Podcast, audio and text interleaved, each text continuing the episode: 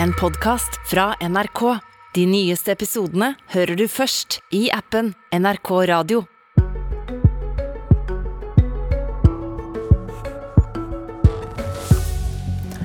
Er det krigen og alle krisene? Kan det være strømprisene eller lakseskatten? Eller har Arbeiderpartiet et problem med mannskapet? Denne uka kom enda en historisk skrekkmåling for Arbeiderpartiet. Spørsmålet er hva har Jonas Gahr Støre tenkt å gjøre med det? Hjertelig velkommen, Arbeiderpartileder og statsminister Jonas Gahr Støre. Tusen takk. Det har jo gått trått på meningsmålingene lenge nå, men, eh, og de siste månedene så har altså Arbeiderpartiet ligget under 20% i snitt på alle målingene. Denne uka så kom Dagsavisen og Fri fagbevegelse med en skrekkmåling som viste 16,9% oppslutning for Arbeiderpartiet. Hva tenkte du da? Ja, Det har gått trått for meg som skiløper, så betyr jo det at det går sakte framover. Men her går det jo eh, dessverre fort nedover. Det er veldig dårlige tall. Jeg ble nedslått av det. Eh, jeg er forberedt på at eh, målingen går opp og ned, men når vi ligger altså godt under 20% så er det selvfølgelig veldig alvorlig. Og vi må gå i oss selv grundig på måten vi jobber på, både i regjering, måten vi forvalter det ansvaret vi har på nå, og måten vi jobber som lag. Eh, og det gjør vi, det har vi begynt med før denne siste dårlige målingen kom, fordi vi har ligget for lavt for lenge. og jeg har tro på at vi skal kunne klare å komme opp igjen, få igjen tillit, men det krever hardt arbeid av alle. Tar du sånne målinger personlig? Ja. Eh, det ville vært rart som leder å ikke gjøre det, for det mener jeg er et lederansvar. Og så har jeg alltid sagt når det er dårlige ledere at det som, målinger, at det som gjør meg det som gjør vondt for meg, det er alle de der ute i partiet vårt som står på frivillig, og som er inspirert av at de står på for verdiene vi tror på. Det er jo det, derfor vi er i denne politikken. Et rettferdig samfunn, små forskjeller, mulighet til alle, gi sikre jobb. Det er det som binder oss sammen. Og når det kommer sånne dårlige målinger, så er jo det en nedtur. Og så blir jeg ofte også jeg blir på en måte rørt litt av det òg, fordi at når sånn skjer, så er det også en veldig vilje bredt over i landet å si at dette skal vi klare å komme oss ut av sammen. Dette er ikke noe enpersonsvirksomhet, det er et lag som må virke godt.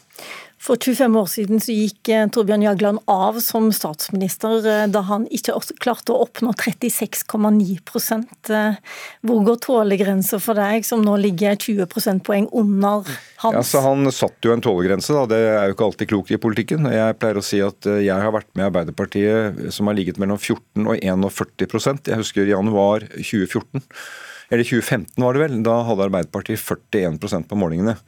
Så mitt budskap er at vi må ikke ta av når det går altfor godt, og så må vi ikke bli knust når det går dårlig. Det som er bildet nå, er at veldig mange av de velgerne som sier de ikke vil stemme på oss, har satt seg på gjerdet. Så jeg mener jo de er fortsatt De ser mot Arbeiderpartiet. De er i tvil om de føler vi gjør tingene riktig og på riktig måte. At vi lytter godt nok til dem, og det tar jeg på alvor. Og så tror jeg vi skal klare å vise dem det, at det er hverdagen til folk. Det er tryggheten for at du kan få ungene dine godt gjennom skolen, at du kan betale regningene dine, beholde jobben hvor du bor i Norge, og at vi gjør noe med de store temaene som Norge står overfor i årene som kommer. At vi, at vi har svarene på det, så tror jeg vi kan uh, vokse igjen.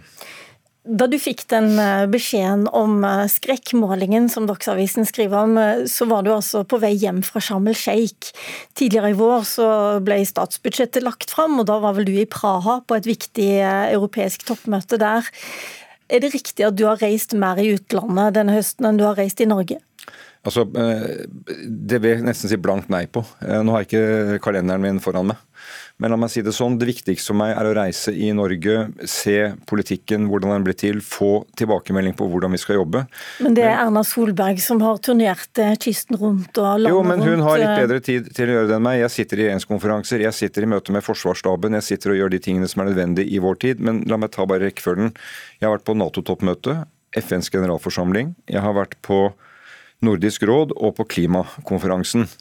Eh, og Det mener jeg en statsminister skal gjøre, for dette er livsviktige tema for Norge. Jeg er der én til halvannen dag, og det har jeg ikke tenkt å slutte med. For jeg tror at eh, her henger den lille verden og store verden sammen. Men, men det altoverveiende tiden for meg er å reise hjemme. Jeg får ikke like mye oppmerksomhet når jeg bruker en hel dag i Bodø eh, som jeg gjorde for et par uker siden, eller en hel dag i Øygarden og Bergen og på Haukeland sykehus. Da er det ikke riksmedier med.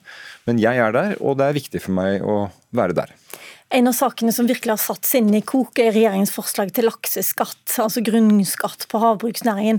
Og Denne uka så eh, kom beskjeden om at om lag 400 ansatte skal permitteres, fordi de er usikre på hvordan denne grunnskatten kommer til å slå ut.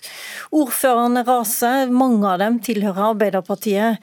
Hva sier du til dem? Kommer du til å gjøre endringer eh, på det opplegget som dere har skissert? Det kommer grunnretteskatt på havbruk, for det er rettferdig. Det er rettferdig å beskatte de næringene som har veldig store inntekter. og her føler jeg et stort ansvar, at vi skal sikre inntekter til den velferdsstaten som eh, barn og barnebarn skal overta. og Da er det en riktig måte å gjøre det på. Så har vi sendt dette forslaget på høring. Det er ute nå i hele landet, i næringsorganisasjonene, i kommunene, hos enkeltaktører. Vi har ikke fremmet forslaget detaljert for Stortinget ennå. Så nå får folk komme med innspillene sine, og så skal vi gjøre en tilpasninger som gjør at dette blir så godt som mulig. Men at vi møter en formidabel motkraft fra en næring som har store ressurser til å påvirke kommuner, enkeltarbeidsplasser, eh, inn mot storting, inn mot regjering. Det måtte vi vente, og det, denne regjeringen kommer til å være helt tydelig på det. Men det, snakker skal, dere ikke med ordføreren deres, da, jo, siden de er åpenbart påvirker denne næringen? Jeg skjønner jo veldig godt en ordfører som sitter i en kommune som har en viktig arbeidsplass, det kommer permitteringer. Det er jo ordførerens jobb å gå til kamp for de arbeidsplassene. Vi snakker med dem hele tiden. Jeg har kontakt med flere av dem, og vi forklarer og vi legger det fram. Men svaret er vi skal gjøre tilpasninger slik at dette skal fungere så godt som mulig. Det er noen områder hvor det er nødvendig. Men, men, det store bildet her er at vi blir møtt av en veldig mektig næring med ressurser som kjemper og da, imot. Og jeg har ikke tenkt at den skal få diktere det som er riktig demokratisk å gjøre for å uh, sikre velferdsstaten vår inntekter fra næringer som tjener enorme penger. Dette kom parallelt med at en annen stor aktør tok nær en milliard kroner i utbytte. Det viser at det er ressurser her som det er uh, rettferdig å fordele på en bedre måte. Det kan nesten høres ut som om du er enig med Karen Helene Ultveit Moe, som har sagt i dag Det var altså hun som, som utreda lakseskatten for den forrige regjeringen, og da ble det ikke noe av. Hun sier at hun er sjokkert over havbruksnæringen. Hun mener også at de bruker disse permitteringene i et slags trusselspill. Det skal litt mer til for å sjokkere meg, eh, programleder. Trusselspill, er det det de holder på med? Det er iallfall et veldig aktivt altså At de kjemper for det de mener er best for sine interesser, det er legitimt i et demokrati. Men å permittere folk, jo, det er en grov beskyldning? Ja, og derfor så kommer ikke jeg med den over bordet. For det kan være forhold i næringen. Men at eh, en aktør kjemper for å eh, slippe å betale en ekstra skatt, Eh, det kan jeg forstå, men det fratar ikke oss ansvar å gjøre dette på en rettferdig måte. Jeg mener det er riktig, og det kan gjøres på en måte som styrker kystkommunene, som fortsatt gjør dette til en fantastisk lønnsom næring og en stor mulighet for Norge framover. Sånn skal vi lande dette. Hastverksarbeid, sier næringen. Vel, vi begynte dette arbeidet i regjeringen i mars. Da tok vi prinsippbeslutningen at dette var det riktige å gjøre. Vi klarte å holde det internt, og det er jeg stolt av. Eh, og vi har jobbet det fram. Og så bare gjentar jeg, vi har sendt dette ut på høring. Det er en norsk måte å gjøre ting på. Så nå får alle anledning til å kommentere, foreslå, spille inn. Og vi skal selvfølgelig lytte godt til det. Men det skal jo gjelde fra 1.1, da? Jo, men dette kommer ikke til å bringe én krone inn i 2023. Dette er jo noe som skal komme, til, komme inn i 2024. Så vi legger frem en proposisjon for Stortinget i løpet av våren. Okay. Trond Giskes lokallag Nidaros sosialdemokratiske forum vokser nå raskere enn du får sagt metoo, skrev Dagsavisen Sege Ulstein i går. Og i NRK Debatten tok AUF-leder Astrid Villa Hoem et kraftig oppgjør med nettopp Trond Giske. Jeg er ikke uenig i noe av det Trond sier, men jeg mener bare at Trond også må anerkjenne at han er en del av problemet med at mange har syntes det har vært vanskelig å snakke om politikk de siste årene i Arbeiderpartiet. Jeg mener at vi trenger ro til å snakke om de politiske løsningene. Jeg mener at vi trenger mer venstreside politikk, men det mener jeg også at Ro i form av at han bare forsvinner, da, eller hvordan skal det tolkes? Ro i form av at, uh, at man ikke hele tida konsekvent hakker mot ledelsen og bruker politikken som vi faktisk fører og kjemper for, som bistandspolitikk. Men, men mener du at jeg ikke skal si fra om hva 1000 medlemmer mener om kutt i arbeidsløshetstrygd, om kutt i bistand, om at vi kutter til matsentraler. Skal vi, skal vi bare tie stille om det og si at nei, men det her går skikkelig bra, det her heier vi på. Vi må si fra når ting er gærent. Så skal vi skryte av Tonje og Jan Kristian Vestre og mange okay. som gjør en god jobb. Men vi må faktisk ha et partidemokrati der medlemmer blir hørt, og der velgerne blir hørt, og der det dreier seg om deres hverdag. Jeg skulle bare gjerne sett at du var den venstresidelederen når du faktisk var nestleder i Arbeiderpartiet, og ikke på utsida når du også er med på å skade resten av partiet. Ja, Det sa AUF-leder Astrid Hoem til altså Trond Giske. Hva tenkte du da du så dette, Jonas Gahr Støre? Var det riktig det Hoem sa, at folk i Arbeiderpartiet tør ikke ta den politiske debatten når Giske er med? Jeg tror hun har mye rett.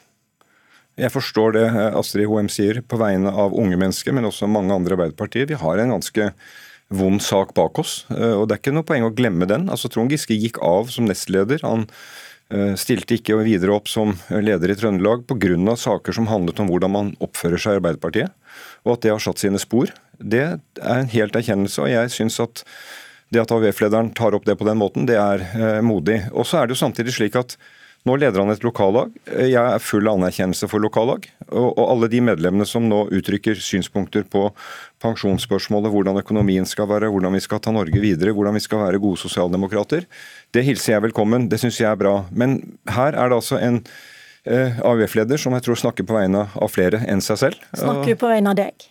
Ja, jeg, jeg forstår også det. Eh, vi skal eh, snakke pent om, eh, sier han. Altså det, når det er vanskelige tider, så er jo et lag også et lag som trekker sammen, støtter hverandre og, og gir hverandre eh, backing, eh, også i vanskelige tider. Det er jo noe av det som jeg sa innledningsvis, at i en sånn vanskelig tid så ser du jo kvaliteter i laget ditt. Hvem er det som sier at ok, dette må vi ta sammen, vi må klare det sammen? Og hvem er det som står litt på utsiden og føler at det ansvaret har egentlig ikke jeg? Det er noe man får med seg. Giskes kritikk tidligere i programmet var jo retta mot deg. Han snakker om at Arbeiderpartiet har en tillitskrise. Han snakker om at Jens Stoltenberg hadde en visjon under finanskrisen. Så sa han for så vidt ikke at det mangla nå, men det lot han stå åpent. Til TV 2 sier han at folk eh, føler vi ikke har handlekraft nok og ikke kan styre er ikke dette en legitim kritikk, eller er det nå et poeng at du har skaffa deg en livslang uvenn i Trond Giske? Nei, men Jeg har ikke det. Jeg har aldri hatt noe personlig. Jeg har jo ikke vært utsatt for dette som var saken eh, for noen år siden. Eh, men eh, jeg tar de diskusjonene på stående fot. Ja. Vi har en visjon for hvor vi skal. Vi skal komme gjennom denne krisen vi er i nå. Vi skal ha Europas laveste arbeidsledighet. Jeg har snakket om det mange ganger. det har få... du snakka om, men bare akkurat nå med Trond Giske. Eh, drives det en fraksjonsvirksomhet? Nei, det, det har spesielle betydninger. Men jeg kommer tilbake igjen til vi er et lag. Ikke sant? Hvis vi har forslag til å gjøre ting bedre, så skal vi se hvordan gjør vi det for at laget vårt skal bli bedre. Det må oppfattes som det. Og Det er jo gjennomgangstonen i det Arbeiderpartiet som er nå, når vi har lav måling. Men la meg minne om det. Vi sitter altså med regjeringsansvar i et Europa i krig. Noen ganger blir det skyflet vekk. Vi sitter i, et, i, en regjering hvor vi har veldig mye vi ønsker å gjøre for å gjøre velferden bedre for folk. Ta tak i ting som ikke er som de skal. Og så er vi den første regjering på lang tid som ikke kan bruke mer penger, sånn som man alltid har gjort tidligere.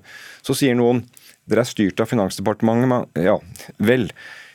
Hvis du lytter til de ledende økonomene i Norge, og det bør vi gjøre, så er det entydige rådet at vi må føre en stram politikk. For hvis vi ikke gjør det, så kommer prisene til å gå. og Det er jo prisstigningen som nå går inn i folks økonomi, hindrer at du får gjort det du har planlagt, gjør det dyrere å kjøpe klær til barna, gjør det vanskeligere å få med ungene på fritidsaktiviteter, gjør det vanskeligere for folk med pensjoner.